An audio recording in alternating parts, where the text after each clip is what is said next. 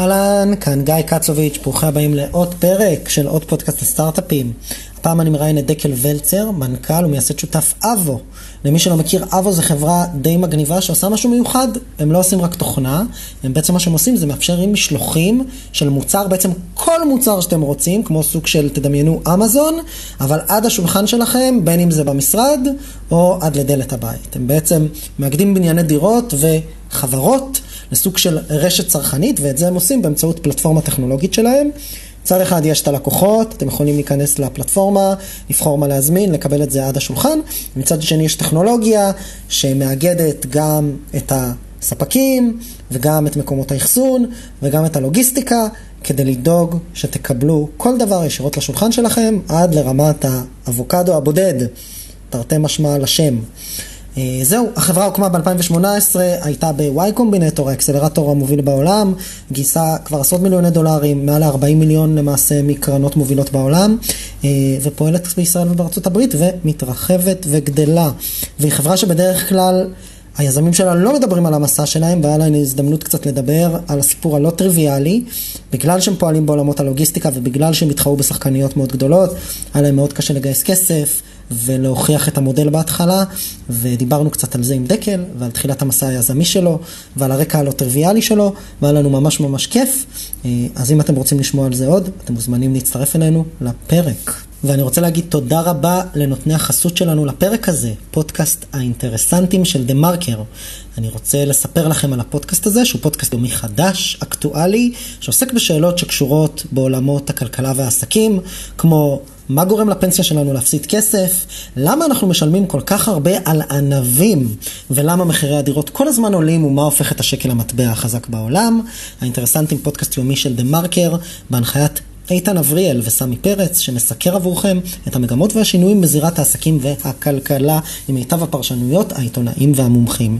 יש כל יום פרק חדש ואפשר להאזין בו בכל אפליקציות ההסכתים או יישומוני ההסכתים המובילים הקרובים לביתכם, אפל, גוגל, ספוטיפיי ועוד, שומעים שזה דה מרקר. אז תודה רבה לאינטרסנטים על החסות לפרק הזה. וכמובן בנוהל, אני רוצה להגיד תודה רבה למיקסטיילס, לאיתן לויט ודוד כץ, שמאפשרים לכם לקבל תמונות מגניבות וצמחים שמשקים את, הם לא באמת משקים את עצמם. ואתם יכולים למלא מים, ויש איזה מנגנון שמשקיע את הצמח באופן אוטומטי, כדי שלא תשקעו אותו יותר מדי, ואתם יכולים לקבל ולקנות את כל זה עד הבית. מעבר למיקסטיילס, איתן ודוד גם אה, אה, השיקו את פודקאסט השבוע, שכבר שנים הם לא מקליטים אותו, אבל הוא מהווה לנו השראה, ואנחנו מקליטים את הפודקאסט הזה בסטודיו שלהם. אז תודה רבה, ואני מאחל לכולכם האזנה נעימה לפרק עם דקל ואבו. עוד פודקאסט? עוד פודקאסט. עוד פודקאסט לסטארט-אפים.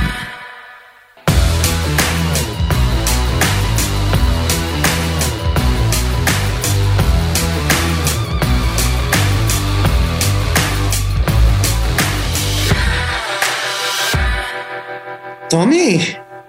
גיא. מה קורה, חזרת? קראת למילואים, אז באתי. קראתי למילואים, אז באת. אז למה התגייסת? מה, למה היום, למה דווקא היום הוא יום ראוי מבחינתך להגיע למילואים ולראיין יחד איתי בעוד פודקאסט? קודם כל, תודה. התגייסתי כי אין הרבה מקרים שיש אה, באמת חברה שאני משתמש בה באופן אה, יומיומי, ויזם שאני אישית מאוד מעריך, אז אה, אני נותן לעצמי את הפריבילגיה להצטרף, שיש מקרים מיוחדים. אז דקל, נראה לי שמפה אתה יכול רק להרוס. אחרי המחמאות של טומי. מעניינים, דקל.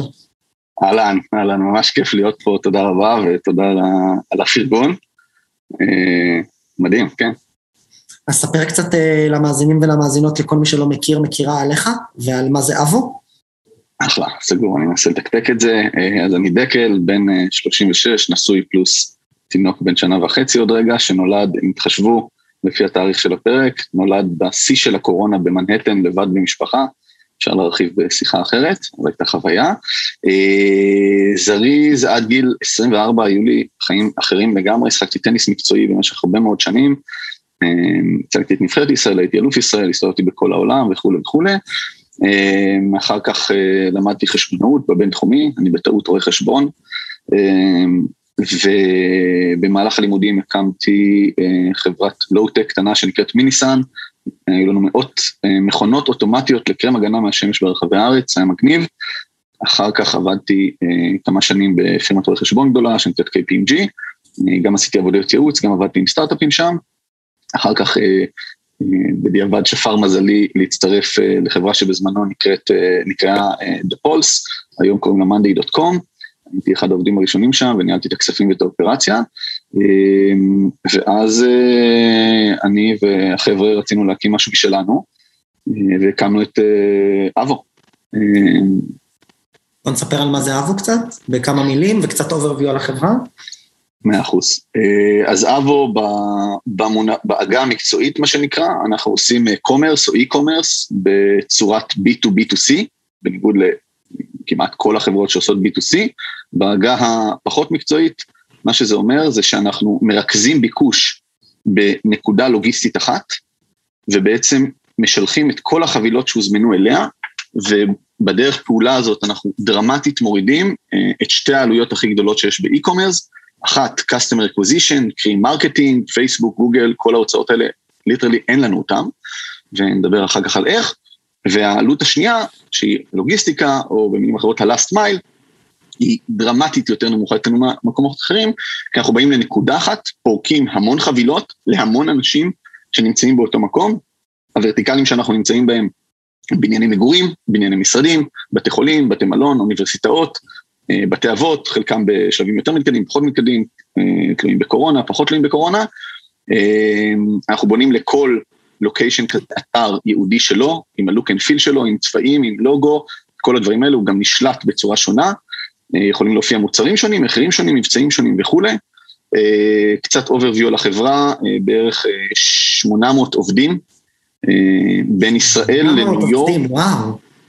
כן. תכף נדבר על זה, אני מניח שזה קשור לזה שאתם operational oriented, אבל נדבר על זה. נכון, נכון, נכון, נכון. אז בין ישראל, החברה קמה בישראל לפני ארבע שנים, התרחבנו ואני עשיתי רילוקיישן לניו יורק לפני כמעט שנתיים, שיקגו הושקע לפני שלושה חודשים, ויוסטון תושק עוד חודש ועוד הרבה מדינות. גייסנו כמה עשרות מיליוני דולרים, היינו בוואי קומבינטור, גייסנו מקליינר פרקינס ו-F2 ועוד קרנות טובות uh, מובחרות. Um, זה overview. קול. אני רוצה באופן מפתיע מאוד לשאול שאלה שלא ציפית לה. אתה מוכן? כן. איך הכל התחיל? איך הכל התחיל. אוקיי, אז... זה היה סרקסטי, טומי, הרגישו את זה? אני לא חושב ש... אני לא חושב, אוקיי, אז כאילו דיברנו על זה לפני הפרק, שנדבר על הימים הראשונים וההתחלה. כן, כן. נשים אפקט, אפקט קולי, שזה יבין מאוד. לגמרי, לגמרי. אז כן, אני חושב, אני לא רוצה להגיד אם כמו כל הישראלים בשנים האחרונות שמתישהו עובר להם בראש להקים משהו משלהם, אז אני לא מכליל, אבל אנחנו היינו ככה. אני ועידן, שהוא בן דוד שלי ושותף שלי היום, רצינו להקים משהו משלנו, והתחלנו פשוט להריץ רעיונות ולבחון אותם. מהר מאוד צירפנו את נרי וניר, שניר הוא, הוא חבר ילדות שלי מקריית אתא, ונרי היה שותף שלי במכונות של הקרם הגנה, אז אנחנו כולנו מכירים הרבה מאוד שנים. והאמת שבשיחה מאוד רנדומלית, באמת, שתשמעו את הנושא מאוד רנדומלית, עם חבר ששמע את הנושא הזה מחבר אחר, שאמר לי, תשמע, גני ילדים, טוויסט, גני ילדים, לאף אחד מאיתנו לא היה ילדים בתקופה הזאת, הם נקודה, היא נקודה מאוד לוגיסטית מאוד מעניינת. למה? כי יש עשרות אנשים, הורים, שמגיעים פעמיים ביום לאותה נקודה, פעם אחת בבוקר להוריד את הילד, ומי שלא נמאס לו, אז הוא גם מגיע אחרי צהריים לאסוף את הילד חזרה. אתה אומר לפחות פעם אחת, אבל לא תמיד. לפחות פעם אחת, כן. אוקיי. וזו נקודה לוגיסטית מעניינת, ואולי אפשר לעשות שם משהו. קצת fast forward, אמרנו, אה, נכון, ואמרנו, אוקיי, איזה מוצרים, מה, מהו המכנה, עוד פעם, בעגה המקצועית, ה-MVP או לא מקצועית, מה, מהו הדבר הכי מהיר שאפשר לבדוק, והמכנה המשותף שיש לכל האנשים האלה, הם גם, בנוסף לזה שהם מגיעים לאותו מקום, יש להם בדיוק את אותם צרכים. הם צריכים חיתולים ומגבונים ומטרנות וכל מיני סיפורים כאלה, ושוב, לא היה לנו ילדים, פשוט לא, העולם הזה היה זר בצורה קיצונית, הפכנו להיות מקצוענים בו מהר מאוד, והתחלנו פשוט לגשת לגני אה, ילדים בתל אביב, לדבר עם הגננות, עם ההורים שהם ועד הגן, פשוט להגיד להם, תשמעו, אנחנו נבוא פעם ביום, ונביא לכ, לכולכם את כל מה שאתם צריכים, אנחנו לא נגבה על זה דמי משלוח, כי הרציונל הוא שאנחנו מגיעים בשביל כולכם, אז אם תזמינו יחד זה כאילו הזמנה אחת ענקית. אה, אנחנו גם לא נבקש מכם מינימום הזמנה, כי אולי יום אחד ברכה רוצה חבילת מגבונים אחת כי זה מה שהיא תקועה בלעדיו, אבל מישהו אחר יזמין יותר וגם זה יסתדר. ונעשה את זה מהיום להיום, פשוט נגיד לכם, תנו לנו קצת heads up, עד 11 בבוקר זה היה, ו, או 10 בבוקר, ואנחנו נגיע לפני שהגן מתקפל. וככה התחיל הדבר הזה, והרציונל, בעוד ששינינו או שדרגנו נקרא לזה את הוורטיקלים ונרחיב על זה, אבל הרציונל לאורך כל החברה שלנו הוא תמיד כשיש כמות גדולה של אנשים שמגיעה כל יום לאותו מקום או גרה בו, ללא קשר אלינו, אנחנו לא צריכים לשכנע אותם. מה שנקרא או לא משרד, או בניין מגורים, או איזשהו אתר התכנסות, ושם אתם מנצלים, בעצם אתם חברת לוגיסטיקה ואופרציה, תכף נדבר על הטכנולוגיה, אני לא עושה לך, לא צובע אותך כ... כחברת שילוחים, אה, אבל בעצם אתה בא ואומר, יש איזשהו פוקל פוינט, אנחנו בהייטק אגב, כגילוי נאות, הרבה מהחברים שלנו חווים את המוצר כשהם עובדים באיזה מגדל עם עשרות קומות, ויש להם אה, מה שנקרא ריכוז משלוחי, משלוחים של אבו לכל המשרדים באותו מגדל, כל אחד מקבל לשולחן שלו, או לדסק קבלה את מה שהוא צריך, ולכן יש מערכת שממנה אפשר להזמין את הדברים ברמה היומית. אבל שנייה אני רוצה להבין איך באמת קפצתם מגני ילדים, שזה נשמע כמו משהו סופר, א', סופר נישתי, ב', קהל יעד מאוד מסוים, ג', כנראה סט מאוד מצוים של מוצרים, אני מניח שלא התחלתם מריטל גנרי, אלא ממשהו שהוא מאוד ספציפי להורים ולהורות או להורות וילדים. אה, איך משם בעצם הבנתם שאפשר להרחיב את השוק? מעולה, ואני חושב שזו הזדמנות מצוינת מהצד שלי להגיד שלא התכוננו מראש לדבר הזה, והשאלה היא אותנטית והתשובה היא אותנטית, והתשובה היא ממש, אה, אני חושב אם, אה, אם, אם מקשיבים לנו מישהו שחושב להתחיל או בהתחלת הדרך, היא פשוט דוגמה מדהימה לאיך אתה מתחיל ממשהו, ופשוט אה, סבבה שצריך לתכנן ו- ולחשוב על גודל השוק ועל כל מיני סיפורים כאלה, אבל ברוב המקרים פשוט המציאות מובילה אותך בעצמה למשהו שהוא לפעמים אחר לגמרי. וכל אחד יחליט כמה זה אחר לגמרי לאור הסיפור הזה, וזה בסדר, אין חוקים. אמ, יום אחד, אחת מהלקוחות שאנחנו חייבים לה המון, אה, אני אגיד גם את השם שלה, אני חושב שהיא תאזין לזה, קוראים לה דאפי, אה, פשוט התקשרה אליי, היינו בקשר מאוד טוב, היא עזרה לנו בהכל, היינו, עשינו, עושים אצלה אה, ערבי פיצה, להתייעץ איתה על מה הורים צעירים צריכים ומה וכולי וכולי. אמרה, תשמע, אני לא מספיקה להגיע לגן, או מה שזה לא יהיה, או הילד לא שם היום, אם אפשר אם אפשר אה, אה, שתביא לי את זה לעבודה. אמרתי, טוב, סבבה, כי לא חשבתי אפילו אה, לשאול מה, מי מו, כי באמת הייתה אחלה. אמרתי לה, איפה את נמצאת? היא אמרה, אני ברמת החייל, באיזושהי חברת סייבר זה היה בזמנו.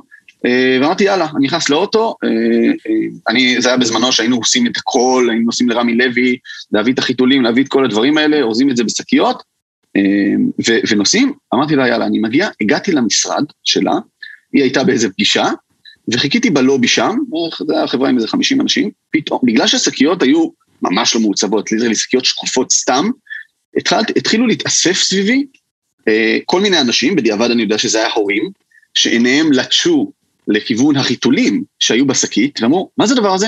ממש ככה, ואז אמרתי להם, אה, לא, אני פה מביא אה, חיתולים לקולגה שלכם, ואמרו, אוקיי, מה זה הדבר הזה? ואז קשקשנו איזה שתי דקות, ואמרו, רגע, למה, למה שלא תביא, גם אנחנו רוצים, למה שלא תביא את זה לפה? ואז אני אמרתי לעצמי, רגע, למה שאני לא אביא את זה לפה? ואז אחד החבר'ה שם... בעצם מה שגילית זה ביקוש עודף באופן מפתיע לחיתולים. כן, כן, כן. אבל לא למבוגרים, יש לציין. נכון, לא בשלב זה זה היה לא למבוגרים. לא ראו את זה אנשים אחרים בחברה ואמרו, hmm, לגמרי, לגמרי, כן. ואותו בן אדם שממש התלהב, הוא גם אמר לי שאשתו היא ב-HR של חברה אחרת שאנחנו חייבים המון, חברת סייסנס, שהייתה גם הלקוחה הרשמית הראשונה שלנו, גם בישראל וגם בניו יורק, והוא פשוט אמר, אני אחבר אתכם, ופשוט התחלנו להרגיש את ההקצוץ הזה, שיש שם בצד הביקוש לפחות עוד משהו, ואז כשהלכנו הביתה אמרנו, רגע, למה רק גני ילדים? למה הורים? למה חיתולים ומגבונים ודברים כאלה? הרי הורים יש להם גם צרכים אחרים. ולמה גם הורים? גם אנשים אחרים הם צרכנים והם אנשים רגילים, ומגיע להם גם שנחשוב עליהם ברודמפ שלנו. וישבנו ויצרנו אה, אה, מסמך שנקרא, באמת בשלב ההוא רק, The Opportunity, ורשמנו את כל הוורטיקלים שעונים על ההגדרה שציינתי מקודם של הכמות גדולה של אנשים, שמנו את המגורים והמשרדים והבתי חולים וכולי וכולי, וגני ילדים בסוף הפך להיות, תראו כמה קיצוני, הפך להיות לא רלוונטי. אני מודה שנגררנו חודשים ארוכים עם לשרת אה, עשרות גני ילדים, כי אמרנו, רגע, ואנחנו לא בטוחים עדיין לגבי משרדים, ומה יהיה, וחסד נעורים, וכל מיני מחשבות כאלה שבדיעבד הן לא רלוונטיות. אה, אז זו הייתה האבולוציה למשרדים ואז לשאר ה... אז, אז רק כדי לעשות סדר, בעצם התחלתם, סליחה תומי, אני רק עושה איזה ריקאפ ואז תשאל, בעצם התחלתם מאיזושהי הזדמנות שזיהיתם אצל הורים בגני ילדים שמתרכזים שם פעמיים ביום, כשרק כדי להבין ולעשות סדר למאזינים, מאזינות, ההיפותזה של אנחנו מתבססים על הזדמנות אופרטיבית לוגיסטית שבה יש כמות גדולה של אנשים שמתרכזת באותו מקום לא השתנתה, אבל אז לא הבנתם נכון. ש... מזה תבנו חברה ענקית בדיוק. כמו שיהיה היום. אמרתם יש פה הזדמנות ספציפית במוסדות לימוד לגיל הרך, בדיוק. אה, ומשם הבאתם את ההזדמנות הזו לתוך חברה ראשונה ספציפית על סט המוצרים הזה לעובדים בקלאס הזה שהם הורים צעירים, ואז משם פתאום אמרו, טוב, עוד חברות רוצות את זה, ומשם פתאום אמרתם, טוב, אם יש כבר עובדים ויש חברות, בדיוק. ואנחנו כבר שם, בואו ניתן להם אה, אבוקדו לשולחן במרכאות, רמז, אה, בדיוק, רמז כן. לשינוי השם שבא אחרי זה. אז, נכון. אז רק כדי לעשות סדר, זה האירוע. עכשיו, נכון. טומי תשאל, ואז אני אקח את ה timeline משם. אה, אז באמת אני רוצה להקפיץ אותך ל timeline לגיוס הראשון, ובעצם אחת העצות הכי רווחות של פול גרהם מ-YC, שאני יודע שהשתתפתם גם בתוכנית, שזה do things that do not scale. ולכאורה יש פה משהו שאתה אומר, איפה, איך הם עושים scale לכל האופרציה הזאת? כלומר, שאתה מקבל, אני בתור, בתור לקוח שקיבלתי לראשונה את, ה, את המשלוח הראשון של אבו, אמרתי, וואו, איך, איך הם מצליחים לעשות את זה לאלפי מיליוני לקוחות? ואיך הצלחתם לעבור את הקאזם הראשוני הזה אה, ולשכנע את המשקיעים הראשונים שיש פה משהו שאפשר לצייר בו סקלביליות, ואולי גם להתייחס על, ה, על הפער בין המנטליות פה בארץ, ל, ל, אולי למשקיעים בחו"ל אה, ו-Y קומינטור בעניין הזה של do things that do not scale, כי זה לא כל כך טריוויאלי. נהדר, אני כמעט באתי לעצור אותך באמצע ולהגיד לך, למה אתה מניח שהצלחנו לגייס? כי זה כל כך צרוב לי שלא הצלחנו, אבל בסוף כן הצלחנו, נכון? אבל אנחנו נתמקד בזה כי אני כמעט קורא לגיוס הראשון תרומה, אה, אני, אני ארחיב כמובן, אבל במשך כל תקופת ה bootstrap, אה, שנת, אה, רוב שנת 2017 שקראנו לה שנת הפלאפל, כי אכלנו רק פלאפל, אה, זה מה שיכולנו באמת להרשות לעצמנו בראש שלנו, גם זה בדיעבד אני חושב היה קיצוני מדי ולא צריך לחשוב ככה, אבל ממש זה היה state of mind, דיברנו עם כל משקיע ישראלי, צריך להבין שאנחנו מדברים על תחום של hardcore consumer e-commerce, שבו גם עוד לפני שחשבנו על Y Combinator ועוד לפני שחשבנו על, ה, על ה phrases האלה, ה do things that don't scale וכל הדברים האלה, כל כך לא היינו שם. חשבנו על גני ילדים בישראל וקיווינו שאולי יש גם גני ילדים בארצות הברית, שאולי יום אחד נוכל לדבר על זה. זה היה כל כך אה, אה, בוסרי, וקיבלנו אה, תגובות אגרסיביות מאוד מאוד מאוד, שאני גם מעריך ממשקיעים ישראלים, אבל גם אני אומר לפעמים, חבר'ה, כאילו, בסוף יושב בצד השני, אה, יזם פעם ראשונה, הוא לא יודע מה קורה, כאילו, תתחברו רגע לדבר הזה, בארצות הברית זה שונה לגמרי לגמרי לגמרי, ובאמת התגובות נעו בין תעבור לארצות הברית כדי להוכיח משהו ואז דבר איתי, שיופי, כאילו, אתה בסיטואציה שאין לך כסף לנשום, אתה לא בטוח אם קיבלת את ההחלטה הנכונה בעליל אם לעשות את הדבר הזה, אז לעזוב את המדינה, וכאילו זה כל כך לא היה פרקטי, והתגובה השנייה הייתה אמזון, אמזון, אמזון, אמזון, אמזון, אמזון, אמזון, אמזון, אני לא יודע... במילים אחרות, כמו שאומרים, מה אם גוגל יעשו את זה, אז אמזון כבר עושים את זה. בדיוק. בדיוק, בדיוק, ואם הם לא עושים את זה, כנראה יש סיבה, ואם הם יגלו, אז כאילו פשוט אתה יוצא משיחה ואתה מרגיש חסום מכל מקום, אה, וזה משהו שאני אומר, עוד פעם, אני לא, אני לא, משתדל לא, לא להגיד אף, אף דבר נחרץ בשום מקום, כי אני באמת הגעתי למסקנה שאין חוקים לשום דבר בעולמות האלה, אז צריך לשמוע, צריך לשמוע מה אנשים, לפעמים חכמים, לפעמים מנוסים, אומרים, אבל צריך להיזהר לא להקשיב מהר מדי, כי זה פשוט יכול להרוג את, ה, את, ה, את החלום או את ה vision או את ההיגיון. כי אם יש היגיון, בוא נרוץ, ואני עוד שניה באמת אדבר על מה, כמה שונה הגישה הייתה בוואי קומדיטה, אבל אחת המסקנות שלי, נגיד לגבי עולם האי-קומרס בארץ, כתוצאה מהדבר הזה, היא שמשקיעים, בגלל שזה לא תחום רווח, בגלל שישראל היא, אה, אנטי, היא חייזר והיא קטנה, בגלל זה גם התחום הזה הוא מאוד מאחורה, אם תחשבו על זה. כי אה, כספי משקיעים לא נכנסים לשם, הם, הם מבקשים מיזמים, אולי בצדק מבחינתם אגב, שיהיה ברור, כי יש להם מיליון אפשרויות לחברות אחרות, לעבור לארה"ב להוכיח את זה, ואז ישראל נשארת מאחור, כי מי שעובר לארה"ב אז הוא, למה שהוא יתעסק עם ישראל?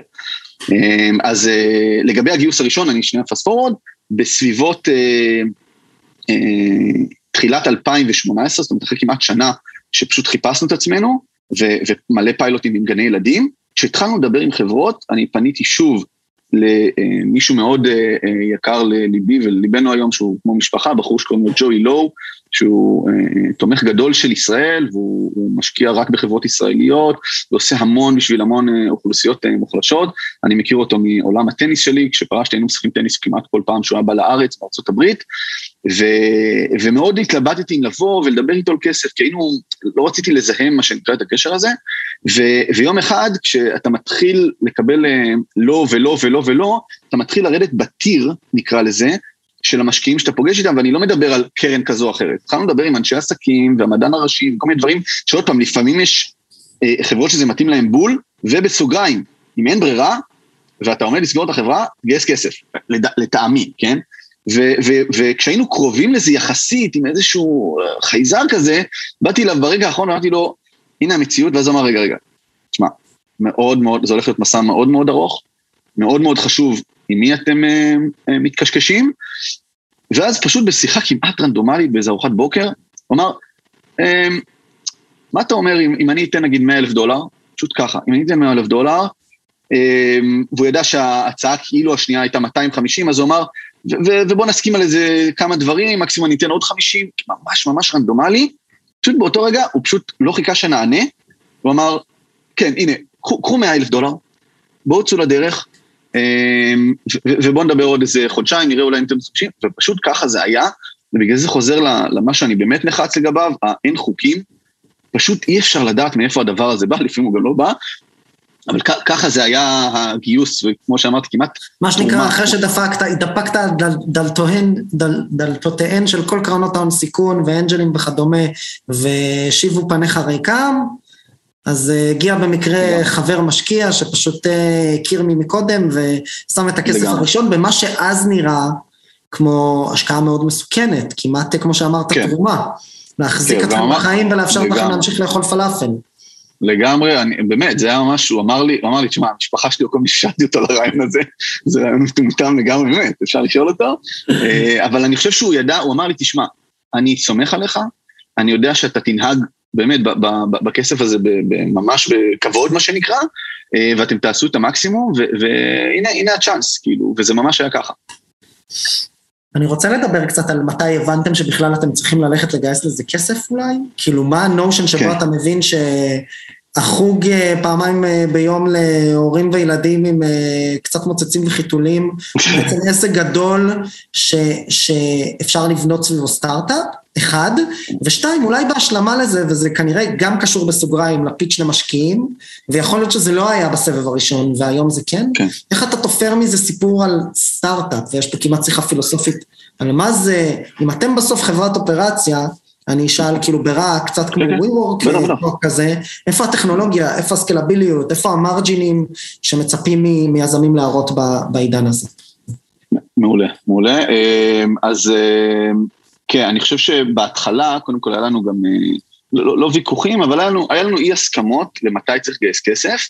אה, גם כל אחד צריך להבין, מגיע עם אה, מצב כלכלי מסוים, ולחץ מסוים, ותפיסה מסוימת, וחלק מהחבר'ה אמרו, בוא נגייס יותר, כי, כי לגייס, יש תחושה בהתחלה, שאם גייסת כסף, כנראה אתה עושה משהו נכון, ויש מישהו מקצועי בצד השני, שהוא ממש יודע מה הוא עושה, וכנראה זה אה, אה, חותמת ממש ממש חזקה, בעוד שלתפיסתי בפועל, לפחות בשלבים הראשונים, הצד השני הוא לוקח סיכון מטורף, נשגב מבינתי איך מישהו מקבל החלטה כזאת בכלל להשקיע בשלב כזה, אה, וזה כמעט לא אומר כלום, אבל זה נותן המון ביטחון בנקודה הזאת. אז תפיסתי הייתה, חבר'ה, בואו, בואו נוכיח משהו. עזבו רגע משקיעים, בואו נוכיח בשביל עצמנו, ורציתי, אם זה היה בזמנו גני ילדים, שיהיה לנו, שנוכיח שבכלל גנים רוצים את זה, ושנייה אחרי זה שההורים רוצים את זה, הלקוחות, ופשוט נתחיל להביא traction, נתחיל להביא אה, ביקוש, כדי שנרגיש טוב עם עצמנו, שאנחנו לוקחים את הכסף הזה ואנחנו יודעים מה אנחנו עושים איתו. אה, אז זה ככה לגבי אה, מתי ו- ואיך, ואז באמת ג'וי נתן לנו את הקפיצה הזו, ואז היה, ואז התחילה אקסלרציה. זה אבל שוב, זה שנה בטיימלן לתוך הפעילות. נכון, לתוך הפעילות... כבר פרוסים בגני ילדים, כבר ניסיתם לגייס כסף, אז אני שואל, לפני זה כן. אפילו, מתי ההחלטה שזה סטארט-אפ, כאילו, ואיך, ואיזה סיפור מספרים על, כן. על, על סקלביליות, על משהו שהוא גם תוכנה, או על כן. משהו שהוא גם טכנולוגי. שוב, יכול להיות שאני off beat, ואמרת לא, לא, לא סיפרנו. לא, סיפרנו שיש לנו אופרציה שנדע לעשות ב scale, זה גם בסדר. אה, נכון, שאלה טובה, אני גם צריך אה, להיזכר, אני מודה שהטריגר הראשון לגייס כנראה הוא כשראינו כמה כסף אנחנו גם מפסידים והולכים להפסיד אה, בסוף מהכיס האישי שלנו. אתה אומר הטריגר הראשון, עזוב אותי מסיפורים, כן. הטריגר הראשון זה שהסתכלנו על חשבון הבנק של החברה ב-Um שהקמנו, כן. וראינו שעוד שנייה באה אלינו הוצאה לפועל ולוקחת לכולנו את הבית, זה מה ש... כמעט משהו כזה, וזה בשילוב עם זה שאתה מסתכל על הדוח אה, אה, שלא היה קיים, הרווח והפסד היומי, של מישהו מזמין חיתולים ואתה הולך קונה לו את זה ומפסיד על כל על כל מוצר, עזבו עכשיו את הלוגיסטיקה ואת הדברים, כי לא היה לנו אפילו אתר אינטרנט, שאפרופו איך אתה משכנע משקיעים שיש פה טכנולוגיה בלי שיש אתר אינטרנט, אמ, אז פשוט היינו נוסעים לסופר מפסידים כסף והיינו, הבנו שהדבר הזה הולך לעלות כסף ואנחנו צריכים איתנו צוות חזק, אז זה הטריג הראשון, ואז באמת לגבי הסיפור, אמ, תמיד פה כן הייתה את העננה של דווקא אמזון לצד החיובי, כי אם ניקח אותנו שנים קדימה לחברת אמזון ונשים רגע בצד את אה, AWS, היום אני יודע להגיד שאנחנו לא יכולים לזוז מילימטר בלי טכנולוגיה.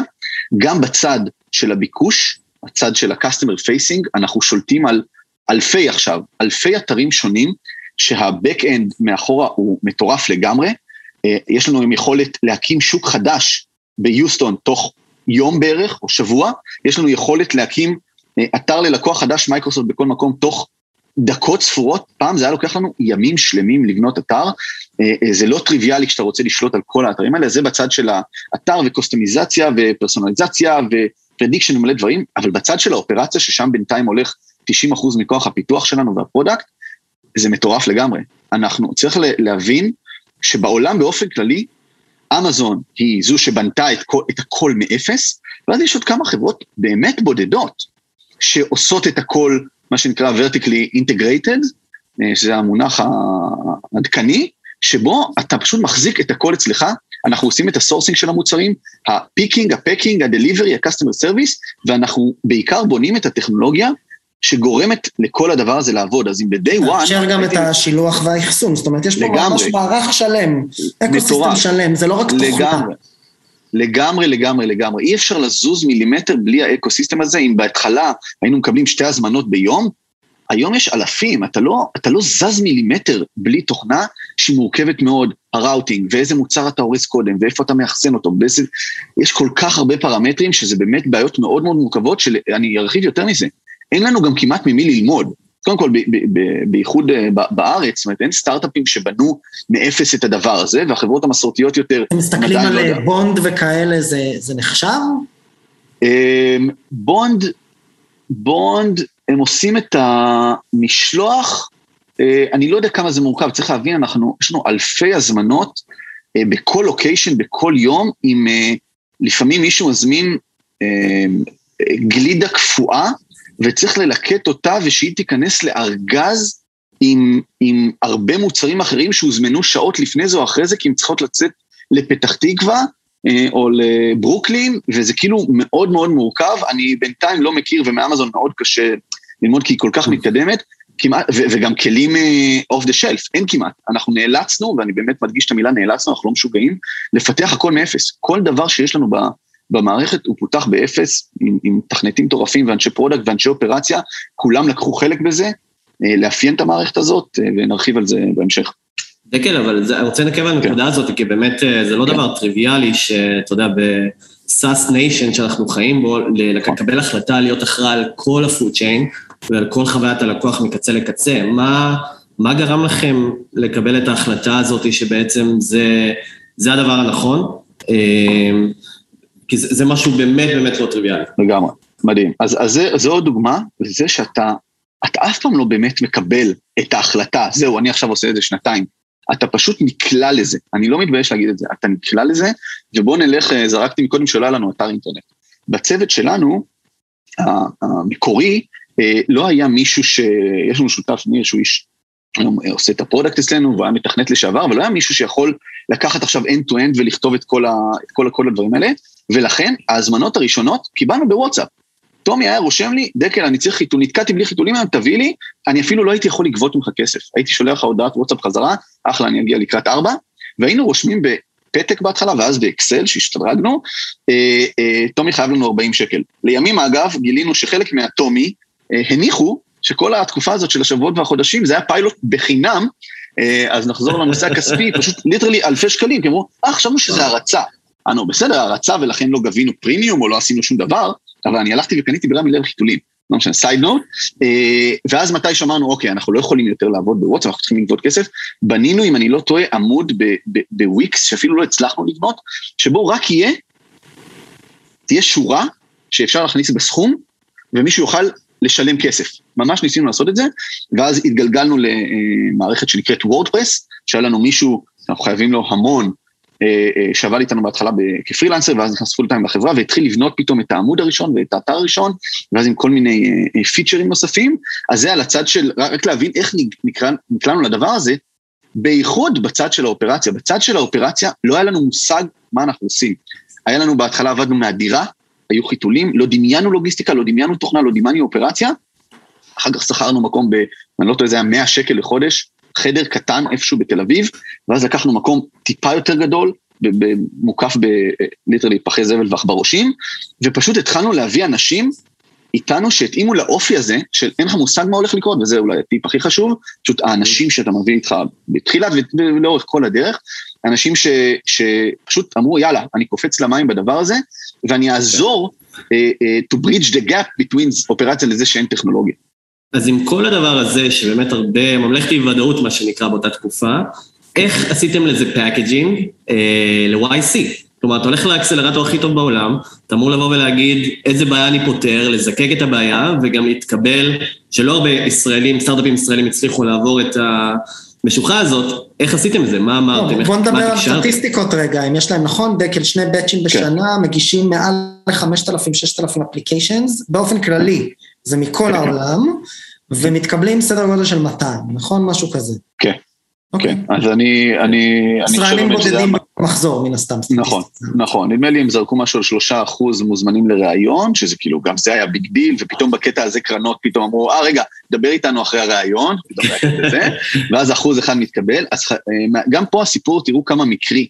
אה, אה, ידידה טובה, אמר לי, תשמע, יש פה איזה אירוע, אני חושב שזה היה של סמסונג ועוד איזה סטארט-אפים כאלה, שיש פה בחור מ-YC, שבא לשווק את YC בישראל, אה, בחור, אה, הוא בדיוק עזב שם, שקוראים לו אהרון אריס, שהוא לימים היה שותף שלנו שם, והוא ייצג את היהודים או את ישראל כאילו, אה, והיא אמרה לי, בוא בוא תנסה לדבר איתו. הבן אדם היה מותש, זה היה נראה לי היום האחרון שלו בישראל, פשוט תקפתי אותו אחרי, ה, אחרי ה, שהוא סיים לתת שם את הנאום, אמרתי לו בוא בוא תן לי שתי דקות, אני לא יודע מה זה YC, בוא בוא נדבר רגע, אמרו לי שצריך לדבר, ואז סיפרתי לו רק על הרציונל, זה מה שמאוד אהבתי שם, ו- ואני מניח, אה, גיא, שאם אתם אה, נכנסים בשלבים מאוד מוקדמים, זה חלק משמעותי, הצוות כמובן, והרעיון, אבל אה, אתה לא יכול לדרוש יותר מזה.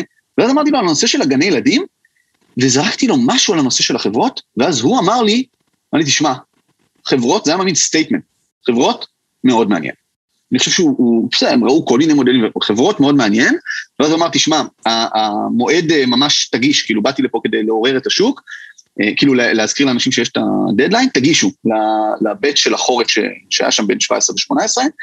הלכתי הביתה, הסתכלתי על, על התהליך הגשה, היה צריך למלא שם טפסים רציניים, פשוט ירדנו מזה. אני לא צוחק, אמרנו, מרגיש אה, שאנחנו לא מוכנים, ובכנות, לא ידעתי מה זה הדבר הזה, לפעמים התמימות הזאת היא טיפה עוזרת, אבל ישב לי בראש שהיה שם איזשהו ניצוץ. אה, אבל, אבל פה, אפרופו... אתה אומר, לא הגשת, אבל הסיפור הזה שהוא אמר, אה, גני ילדים, חברות B2B, that's interesting. בדיוק, פשוט זה, זה מה שישב לי בראש, ו, וגם פה נגמר הפיץ' מבחינתו. ואז שהגשנו לקיץ 2018, אני זוכר, אנחנו עברנו גם שני רעיונות, הם ממש ממש תקפו אותנו. אה, אגב, הם הטיסים, ליטרלי הטיסו אותם לעשר דקות כאילו, אה, ואז היה באותו יום ביקשו מאיתנו להיכנס עוד פעם, שלא ידענו מה זה אומר. אה, אז פגשנו הרבה שותפים שם וממש תקפו, ואז הוא אמר, וזה עוד משהו שלמדתי שמשקיעים מאוד חשוב להם, כשאנחנו דיברנו, זה לא שהוא העריך את זה שדחיתי ולא הגשתי, מה הוא כן העריך? שדיברנו על רעיון, וכשהגענו אליו כמה חודשים אחרי זה, היו לנו כמה חברות, אפילו בודדות, בודדות, והוא ממש אמר לי מול כולם, אמר לי, שמע, אני מאוד אוהב את זה, פשוט עשיתם את זה. אתם פשוט לקחתם את הניצוץ הזה ופשוט עשיתם את הדבר הזה, ואם אני מנסה להיכנס, אה, אני לא משקיע מקצועי, אבל אני מנסה להיכנס לנעלי משקיע, כשהוא פוגש מישהו שאומר לו, אני אעשה איקס, איך הוא יכול לדעת שזה יקרה? יש כל כך הרבה אה, פרמטרים. אז אם הוא מוכיח את זה, זה נותן מידה של ביטחון, ולכן אפרופו מתי לגייס, זה בסדר לעשות שיחות ראשונות עם משקיעים ולקבל לא, או לקבל עוד לא, וכן, לכו, לכו להוכיח את הדבר הזה, כי אתם צריכים להבין בצד שני יש מישהו, כן.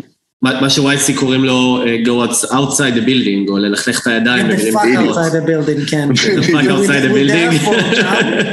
ויש גם uh, מאמר מאוד יפה של מרק שוסטר, שהוא שותף מנהל בקרן שנקראת Upfront Ventures, והוא סוג של כזה דמות uh, יחסית אושייה בלוס אנג'רס, סליחה שאני מדבר על העיר הזו, uh, שיש לו בלוג מאוד יפה שנקרא The other side of the table, הצד השני של השולחן, ואחד מהדברים שהוא מדבר שם על יזמים זה, איך זה נקרא? זה build lines, כאילו קווים ולא נקודות אם אני לא טועה, או הפוך, אני כבר לא זוכר, אבל בגדול זה מדבר על היכולת שלנו לפגוש משקיעים כשאתה יזם early stage בכמה נקודות במרחב הזמן, ולא רק פעם אחת למין כזה, משהו מאוד ישראלי טרנזקציוני כזה, טרנז... של היי, אני דקל או גיא, וזה המיזם וזה מה שאנחנו עושים, רוצה להשקיע, אה, לא, טוב, ביי, מין משהו בינארי. נכון. אה, והוא מדבר יותר על זה ש, שבחלק, עכשיו זה הכל עם סייגים, זה עובד עם חלק מהמשקיעים, לא עם כולם, ועם חלק מהיזמים, וצריך לדעת כן. איך לעשות את זה, אבל הוא בגדול מדבר על זה שהרבה פעמים כשאתה מייצר איזשהו, איזשהו מערכת יחסים ומראה התקדמות לאורך זמן, לא משנה כרגע מה ה stage, יש פה, יש פה אלמנט משמעותי. אז אתה אומר, שנייה אנחנו קופצים לאותו יום, אה, אה, ב, נכון, זה בפ, בפאלו אלטו היה, איפה זה היה? נכון, במאונטן ויו, כן. במאונטן ויו, בהאנגר המוערך הזה של YC, כן. שנראה כמו יביל מהצבא, נכון? אה, כן, בגדול. כן. אה, אנשים חושבים שזה ארמון. כן, כן, ממש לא. אז, אז, אז, אז אתם בעצם באים, נכנסים לשם פעמיים, והוא אומר, ראינו אתכם לפני, ויש פה כן. איזשהו סיגנל לאקסקיושן, כי ראינו שעכשיו יש לכם כבר כמה גני ילדים וכמה ארגונים לפני. לגמרי, אני רוצה גם לחזק את מה שאמרת מקודם על כמה touch points, אני יכול להגיד שגם לנו בחברה, וזה גם עוד איזה, כאילו, לקח ליזמים אחרים, אתם לא מאמינים כמה זה באמת אה, עוזר שמישהו פוגש אותך, גם אם הוא אומר לא, במקרה שלנו גם היה לנו מקרים שלא היה מקום בסיבוב, אה, ולא האמנתי שאני אפגוש את המשקיעים האלה אחר כך, כי אתה חושב כל כך על הרגע בנקודה שיש סיבוב, ואתה אומר, אה, לא, הסיבוב הבא זה עוד שנה, שנתיים. מה שקורה, זה כשמישהו אמר לך לא, או שאתה לא היה מקום בסיבוב, והוכחת את זה, זה יוצר בפעם הבאה קונביקשן מאוד מאוד חזק למשקיע, והיו לנו מקרים שתוך 24-48 שעות, פשוט מישהו אמר כן, זה קרה לנו פעמיים, רק בגלל, רק במרכאות, כן? רק בגלל שהוא היה איתנו בקשר שנה-שנתיים, והוא קיבל את, כמעט את המקסימום שמשקיע יכול לקבל, אז זה לגבי הנקודה ההיא. אה, לגבי אה, אה, YC לגמרי, אני חושב שזה מה שעשה את, את הטריגר, פלוס הרציונל מאחורי מה שאנחנו עושים, ופה זה מביא אותי להבדל הקיצוני, קיצוני, קיצוני בין הפידבק שקיבלנו בישראל ופה אני רוצה כן לציין אה, את אה, מי שכן קפץ למים מהר מאוד, והיו גם קרנות אחרות שהן שהן אה, אחלה, ובסוף didn't pull the trigger וזה סבבה לגמרי, ואני מבין אותם לגמרי, אבל הקרן הראשונה הרשמית שהשקיע בנו היא F2, וברק רבינוביץ' וטל זקון, שפשוט ככה היו איתנו בקשר ממש כשהיינו בהתקשקשנו עם Y Combinator, והם פשוט זזו מאוד מהר, הם האמינו בנו, הם ראו את ה vision ומאוד מאוד הערכתי את זה. וב-Y Combinator, אני לא אשכח, הייתה, אה, אה, כחלק מהתהליך בהתחלה, כל יזם עולה לבמה ל-45 שניות, שהוא אומר ממש מהר מה החברה עושה, מה הוא יכול לקבל מהקבוצה, מהיזמים, אם הוא צריך עזרה, ומה הוא צריך לתת, אה, מה הוא יכול לתרום. אז אני צחקתי שאם מישהו צריך קשרים, ב... רוצה ממש להיכנס לשוק הישראלי, אז אולי אני יכול לעזור, ממש נקרעו מצחוק. אבל כשסיפרתי על החברה, עצר אותי בחור שקוראים לו מייקל סיבל, שהוא המנכ"ל שם, שהוא עשה איזה אקזיט מטורף, לא זוכר באיזה מיליארד דולר, הוא אמר לי, תגיד, למה שאני אקנה ממך ולא מאמזון? עכשיו, הטראומה שהייתה לי, חייבים להבין, כמות הפעמים שמעתי את השאלה הזאת, בצורה אפילו יותר אגרסיבית, אה, בישראל, היא גרמה לזה שכמעט השתתקתי שם, ואמרתי, רגע, שאלה תשובה לסבב הבא? יש לי תשובה ממש טובה. דבר אליי. אז אה, מה, זה כמו השאלה נכון של משקיעים, מה אם, אה, סליחה שקטעתי אותך, מה אם לא, לא גוגל לא, יעשו את זה? אתה מכיר את זה? זה הרי השאלה השאלה הכי נפוצה בפתרון בית ספר. אפשר לשאול את זה גם על טומי, אה, אתה עושה את Magical, זה calendar חדש. מה יקרה אם גוגל יעשו את זה? אז התשובה, פעם אחת אחד היזמים ישבנו באיזה סשן, והיה מישהו אמריקאי, שכבר גייס עשרות מיליוני דולרים, אמר, אני בדרך כלל שואל אותם, מה קורה אם גוגל יעשו קרן הון סיכון? יעשו את זה יותר טוב ממך, אה? וואי, או, או, או, sorry, they just did, סבבה, משהו כזה. ואז, אה, ואז כאילו.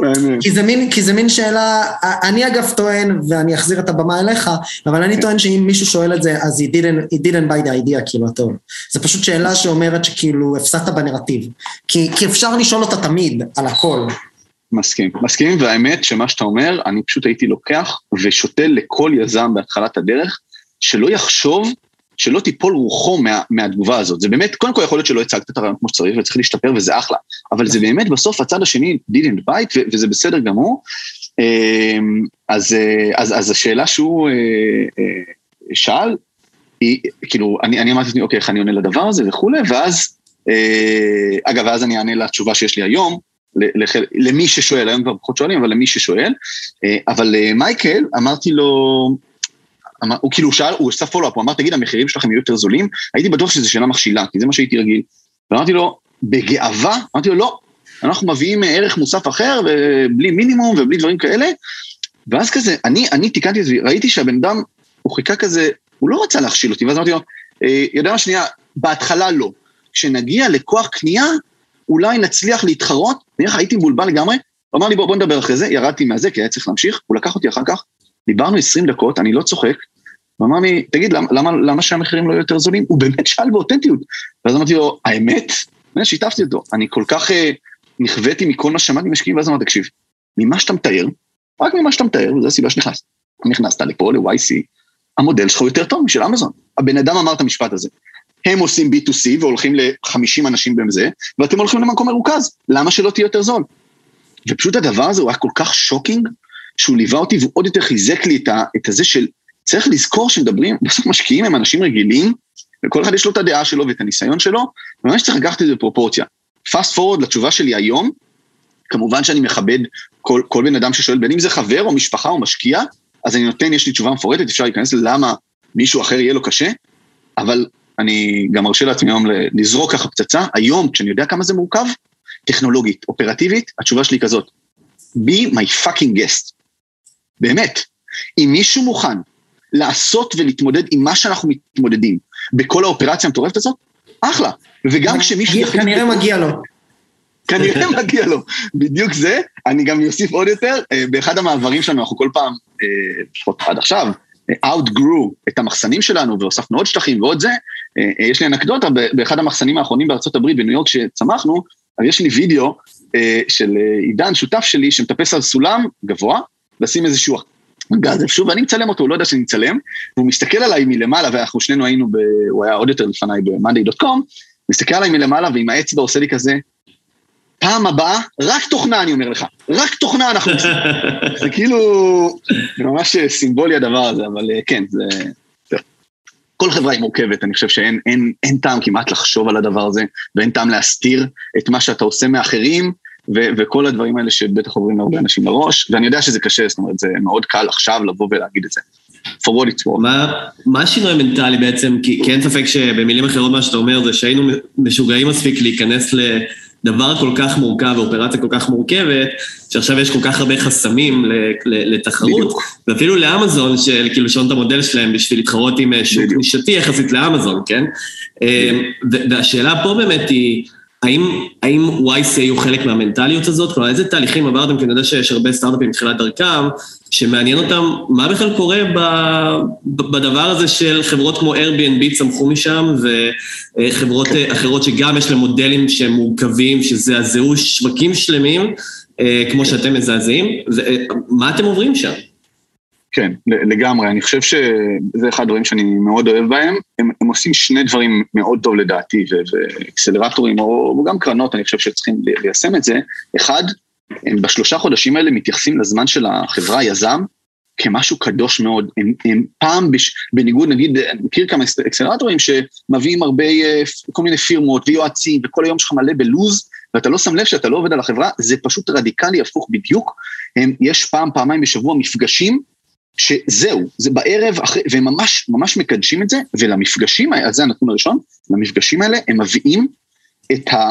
literally את היזמים של Airbnb ו Dropbox ו Instacart וכל, ו Stripe וכל החברות האלה, והיזמים, מה שיפה, הם היו בדיוק באותה סירה שלנו, הם יודעים, שוב, לקדש את הזמן של החברה, ולהגיד בדיוק את הדברים שצריך לאותה נקודת זמן, ולא פנטזיות, אלא לדבר לפיינס האל. אחד הדברים שפתחו לנו את הראש מאוד, ניתן אה, דוגמה כאילו אנקדוטלית, אבל היא ממש הייתה קיצונית, אה, אחד, אחד הימים בהתחלה אמרו, אוקיי חבר'ה, זה היה מאוד אינטרוסיב כזה. אנחנו עכשיו בבאץ' שלה זה חולק נגיד אה, כל קבוצה הייתה 15 עם, עם שותף, או אנחנו עכשיו פותחים אקסל, כל חברה משתפת את היעדים שלה, ואנחנו הולכים לעקוב אחרי זה כל שבוע, וכל אחד יגיד למה הוא לא הגיע ליעדים. קודם כל אני צריך לשתף, כאילו כמה חברות אנחנו רוצים to on board ודברים, זה היה מאוד מעניין, ואז... נקרא OKRs בעצם. בדיוק, בדיוק, בשלבים אבל מאוד בוסריים ובסיסיים, ו- ובחרנו איזשהו נתון אחד שלנו, כאילו מכל ה-OKR אז אמרו, תבחרו אחד, אחד שאתם לא נכשלים בו. אמרנו, אנחנו נביא, אני לא צוחק, אמרנו איזה מספר מטורף של 500 חברות בארץ. אה, אה אגב, חשוב מאוד, אפרופו ישראל ארה"ב, אחד הדברים שהייתי בטוח שהם יגידו לנו, חבר'ה, התקבלתם ל-YC, תמחקו את ישראל, היא לא מעניינת. זה מאוד חשוב לדבר על זה, באמת, לכל יזם שומע את זה. אני פשוט לא האמנתי שבן אדם, אמרנו לו, אוקיי, אה, תשמעו, אתם יכולים לחבר אותנו פה לחברות, ללקוחות? אמר לי, על מה אתה מדבר? אתה הולך להראות גרף אחד של כמות החברות שהבאת בארץ, ועם זה הולך לדמו דיי ולגייס כסף. הוא אומר, אתה מכיר את השוק הזה הכי טוב? התחלתם לעשות את זה? אה, משקיעים אמורים להבין שאין שום סיבה, שום סיבה בניגוד למה שאמרו לך היום, שלא תצליח ליישם את זה בארצות הברית, גם אם השוק הוא קצת שונה, וזה עוד פעם משהו שלאורך כל הדרך, לכל כל פיצ'ר שהשקנו, שמענו, לא, אבל בארצות הברית זה לא יעבוד והלקוחות הם שונים. יכול להיות שהם שונים, אבל you'll figure it out. ופשוט הלכנו ואמרנו, אוקיי, אנחנו נביא 500 חברות בישראל, היינו רחוקים שנות אור מהיד הזה, כל פעם עשינו לו adjustment למטה למטה, ויום אחד ישבנו לשיחה כאילו נוקבת מצידם, כי הם בסוף, צריך לזכור, הם רוצים שאנחנו נגיע לדמו דיי, שבסוף לא היינו צריכים, אפשר לדבר על זה, ואנחנו נגייס הרבה מאוד כסף כדי שהרפיוטיישן שלהם יהיה טוב. יש פה מערכת מאוד אינטרסנטית בסוף, טובה לשני הצדדים, בגדול, ולא עמדנו ביד הזה, ואז הם ישבו, אמרו, אוקיי, נראה לי שאתם חושבים בקטן, למה אתם לא מביאים את זה? אחד הדברים שאמרתי לו, אביו, תשמע, אתה מדבר על כמות של מאות חברות, גם אם היינו מצליחים תאורטית למכור, לא נצליח לספק להם את זה במוצע, באיכות שהיא מספיק בסיסית אפילו כדי שנשרוד איתם. ואז הוא אמר, תקשיב, אתה רוצה לבנות חברה גדולה? הולכים להיות לך עשרות אלפי חברות, אם לא יותר? מקווה. מה אכפת לך? לא בקטע רע אבל, מהחמישים חברות שאתה מדמיין שתשרוף, ואתה לא תשרוף, כי הם יבינו, כי אתה תלך לסטארט-אפים, ואתה תתחנן שהם ייתנו לך לעזור להם, ואתה תפשל והם ייתנו לך עוד צ'אנס, ואלה שלא ישרדו, הם יחזרו אחר כך. וזה כל כך נכון, וזה שחרר כל כך הרבה מעצורים, ופשוט רצנו בטירוף, זה היה ממש... הרבה, הרבה פעמים אנחנו בתור, אה, אתה אומר, בתור פאונדרים אה, מפחדים לאכזב את הלקוחות הראשונים שלנו, ואתה אומר, אתה חייב דווקא לאכזב ולקבש את המנטליות של לזרוק אותם לאיזה מגרסה אחרי זה, בשביל לעבור את השלב הזה. בדיוק, בדיוק, ואני חייב להגיד שאת אותו דבר, עכשיו אני קופץ לנושא שהוא באמת חשוב לי, העובדים שלנו והצוות שלנו, את אותה התנהלות אה, השרשנו לכולם, אנחנו בחברה שלנו מתייחסים לכולם כיזמים, וכדי להמחיש למה זה לא קלישאה, אני אגע בכמה נקודות, ואז אני אגיד איך זה מתחבר למה שאמרתי.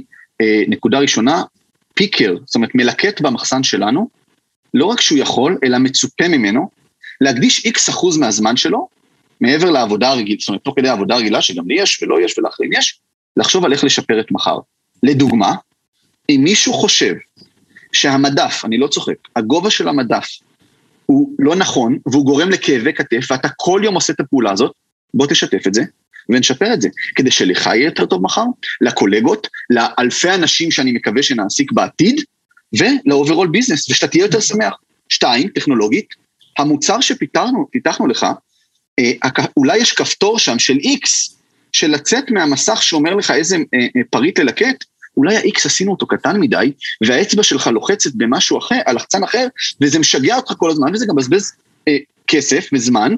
בוא, תלך לקבוצה של אופרציה וטכנולוגיה, יש לנו קבוצה כזאת בוואטסאפ, פשוט תרשום שם, ותחשבו מה זה שיש במקום מאות קוואט און קוואט עובדים, מאות אנשים שחושבים כיזמים מחוץ לקופסה כל הזמן, כולם אצלנו בחברה מקבלים אופציות, כל בן אדם, בין אם הוא מתכנת, בין אם הוא מנכ"ל ובין אם הוא אורז בישראל או בארצות הברית, זה משהו מאוד מאוד קיצוני שאני מקווה שנוכל להתמיד בו תמיד. כולם יכולים לעלות לכל הקבוצות אה, אה, לשמוע על הכל, אני משתף לפרטי פרטים כל דבר שקשור לגיוסי כספים. אנחנו מהר מאוד הגענו למסקנה, וזה גם מה שלקחנו מהעמותה במאנדיי, שחוץ מפרטים אישיים ו- ושכר של עובדים, אם חושבים על זה לעומק, לעומק, לעומק, ובורחים מקלישאות ומחששות סתם, אין שום סיבה לא לשתף עם כולם את הכל, זה רק עושה טוב. בסוף אנחנו רוצים שלכולם יהיה כיף, והם ירגישו שהם בונים את הדבר הזה ביחד עם שותפים. ואם אני חוזר ל-Y קומבינטור ולגישה שלהם לגבי לקוחות ראשונים, או לגבי משקיעים, אני חושב שלתת את ההזדמנות, לפחות בהתחלה, עד שמגיעים למצב שצריך להביא אנשים ממש עם 20 שנות ניסיון, מה שלנו עבד הכי טוב, קחו אנשים רעבים, חרוצים, שאולי קיבלתם המלצות, זרקו אותם פנימה, והדבר הכי טוב שיכול לקרות, יקרה מהדבר הזה, יש לנו אנשים היום שמנהלים מלאי של מיליוני שקלים, בוודאי בלי ניסיון קודם עם מלאי, אבל ליטרלי בלי ניסיון קודם כלום. פשוט הם עבדו, הם היו איתנו מההתחלה, הם לאט לאט נכנסו לדבר הזה והם הגיעו למצב, לפחות הנקודה מסוימת, שהם פשוט מבינים את העסק שלנו, את המנטליות שלנו, כל כך יותר טוב ממישהו שהוא ניהל מלאי ולא משנה איפה כל כך הרבה שנים, וזה Mm-hmm. המנטליות שלנו, עד שמגיעים למצב שבו צריך להביא כבר... אה, אז דקל, אני רוצה שנייה להתקדם ב timeline, כי אנחנו קצת, כן. קצת נתקענו על אה, בין שלב ה pre-pre-seed לשלב ה seed. כן, נראה מעניין. לי ששווה שנייה להבין, אז בשלב הזה אתם כבר מבינים שיש לכם שם חברה, אה, אתם מתחילים לעשות onboarding לעסקים, בעצם במובן מסוים, מבלי להצהיר, זנחתם את סיפור גני הילדים ומוסדות נכון. הלימוד, ואתם עוברים לעולמות של אה, אה, משרדים. אה, ובעצם פועלים B2B או B2B2C אם תרצו להיות כן, קטנוניים כן. לגבי זה. אה, עובדים בשוק הישראלי, הבאתם כסף ראשון מג'וי לו, F2 ו-YC, כן. אה, ובעצם רמזת ואמרת, ואני אשמח שנגיד על זה משפט, אבל נדלג על זה קצת, כי אני מניח שאחרי YC וכמה עסקים בארץ יותר קל להביא את הסיד, אבל בעצם הבאתם איזשהו סיד, ואז אתם מתחילים תהליכי צמיחה, שהובילו בסופו של דבר גם לשינוי מותג וכדומה וכדומה. אז, אז אני אשמח שכן תגיד במשפט שנייה על הסיד, ואז אני אשאל כן. את הפולו-אפ. אני ארוץ על זה מהר באמת, אה, חפרנו קצת מוקדם יותר. אה, במהלך קומבינטור, אה, אה, הכרנו, התחלנו להכיר טיפה משקיעים. המטרה של Y קומבינטור עצמה היא שלא תגייס כלום, לא לפני, שהם כעסו עלינו שגייסנו לפני, ולא תוך כדי, כי הם רוצים שהדמו די יהיה כמה שיותר מוצלח. פגשנו משקיע, לא ניכנס לשם, שבסוף נפל איתו, נפל לנו איתו term sheet, מישהו מאוד מפורסם שכולם מכירים, אמ, ו- ונורא רצינו שזה יקרה בהתחלה, ואחר כך ראינו שטיפה אין conviction, אז אמרנו, אוקיי, אולי זה לא צריך לקרות, וזה היה אירוע מאוד מאוד מלחיץ, אבל עוד פעם נפתח סוגריים, קורה, ואחלה, וזה זה פשוט כמעט לא אומר שום דבר, זה פשוט עוד בן אדם בעולם. ואז פגשנו את uh, Kleiner Perkins, דרך uh, uh, גם מקרה רנדומלי מאוד, מישהו שהכרתי ביום שטסתי לסן פרנסיסקו, שימו לב למקריות, עצרתי לילה בניו יורק לארוחת ערב עם זוג חברים שהביאו מישהו שהיה משקיע, אה, עובד מוקדם באובר, שאמר לי, אתה צריך לפגוש בן אדם אחד ב west coast, לא משנה מי, רק בן אדם אחד שהוא היה גם מוקדם באובר, גם מוקדם בפייסבוק, גם עמד להיות איזשהו אה, משקיע בקרן, ישבתי איתו שעתיים, בהתחלה הוא לא הבין מה אני רוצה, אבל כשיצאנו, יצאנו חברים הכי טובים, והוא ended up השקיע בנו, וחיבר אותי לקליינר פרקינס, שאנקדוטה, הייתה המשקיעה המוסדית הראשונה של אמזון. אה, ישבנו שם עם החבר'ה, זה אה, קרן שהיא יחסית, אה, החבר'ה שאנחנו מתעסקים איתם יחסית חדשים, מש- משקיעים בשלבים טיפה יותר מוקדמים, מוקדמים, וגם שם, החבר'ה ראו טיפה traction, הם ראו Y Combinator, שאני בהקשר הזה מאוד ממליץ, כי Y Combinator הם כאילו חותמת מקצועית די נחשבת שם, coast, ובעיקר היה חשוב להם שאנחנו מוכנים, ופה כן על ארצות הברית, חבר'ה, אתם מוכנים לעבור לארצות הברית, כי אתם צריכים לעשות את זה בארצות הברית, התשובה הייתה כן, ודי מהר הדבר הזה אה, נסגר, ובתוך Y קומבינטור, לפני דמו דיי, אה, גייסנו אה, ארבעה מיליון דולר שהובלו על ידי קליינר פרקינס ועוד כל מיני משקיעים מעניינים מהתחום, כולל השתתפות אישית של אותו בן אדם, ש, אבל קטנה, שנפל איתו הטרם שיט, ו- וזה גם הסתדר לנו, אז לא היינו צריכים דמו דיי, גם בכנות, דיברנו מקודם על האם לשתף על המיזם שלך או לא, לבוא לבמה של Y קומבינטור ולהגיד מה אתה הולך לעשות, זה רק צריך לקחת בחשבון, כן, אנשים ידעו, אני חושב שעדיין לגמרי צריך לעשות את זה, אבל לנו יצא ככה שלא היינו צריכים, והם גם נותנים לך אפשרות לדחות את זה לשנה הבאה, שבסוף לא השתמשנו בזה. אה, אז זה היה לגבי אה, הסיד, ומאז באמת אפשר להגיד שהפכנו להיות חברה אה, נורמלית. כאילו, זהו, יש פה הברית, יש פה משקיעים בינלאומיים, ועכשיו אתה כבר מתחיל להתנהל אה, קצת עם פחות... אה, ואיך עושים את התשלובת הזו בין, אה, בין בעצם לייצר תוכנה ולעשות אופטימיזציה כל? הזמן? איך עושים בעצם את, ה, את, ה, את האופטימיזציה בין כן. תוכנה לבין הגידול טוב. של האופרציה? כן, אז זה באמת ה... היה הקושי הכי גדול. היו, החברה גם עד היום, בכנות, היא כל הזמן בפיקים של עודף ביקוש או חוסר ביקוש, והחוסר ביקוש הרבה פעמים נובע כי עצרנו את הרגל על הגז, כי הטכנולוגיה, לא הצלחנו לפתח אותה מספיק מהר כדי שנוכל לעמוד בעומס של הזמנות בודדות, עשרות, מאות ואלפים ועוד מעט עשרות אלפים, אה, אז אה, פשוט מנסים מרוץ, לא סוד שבארץ מאוד אה, קשה לגייס היום מתכנתים ואנחנו מנסים להיות מאוד יצירתיים.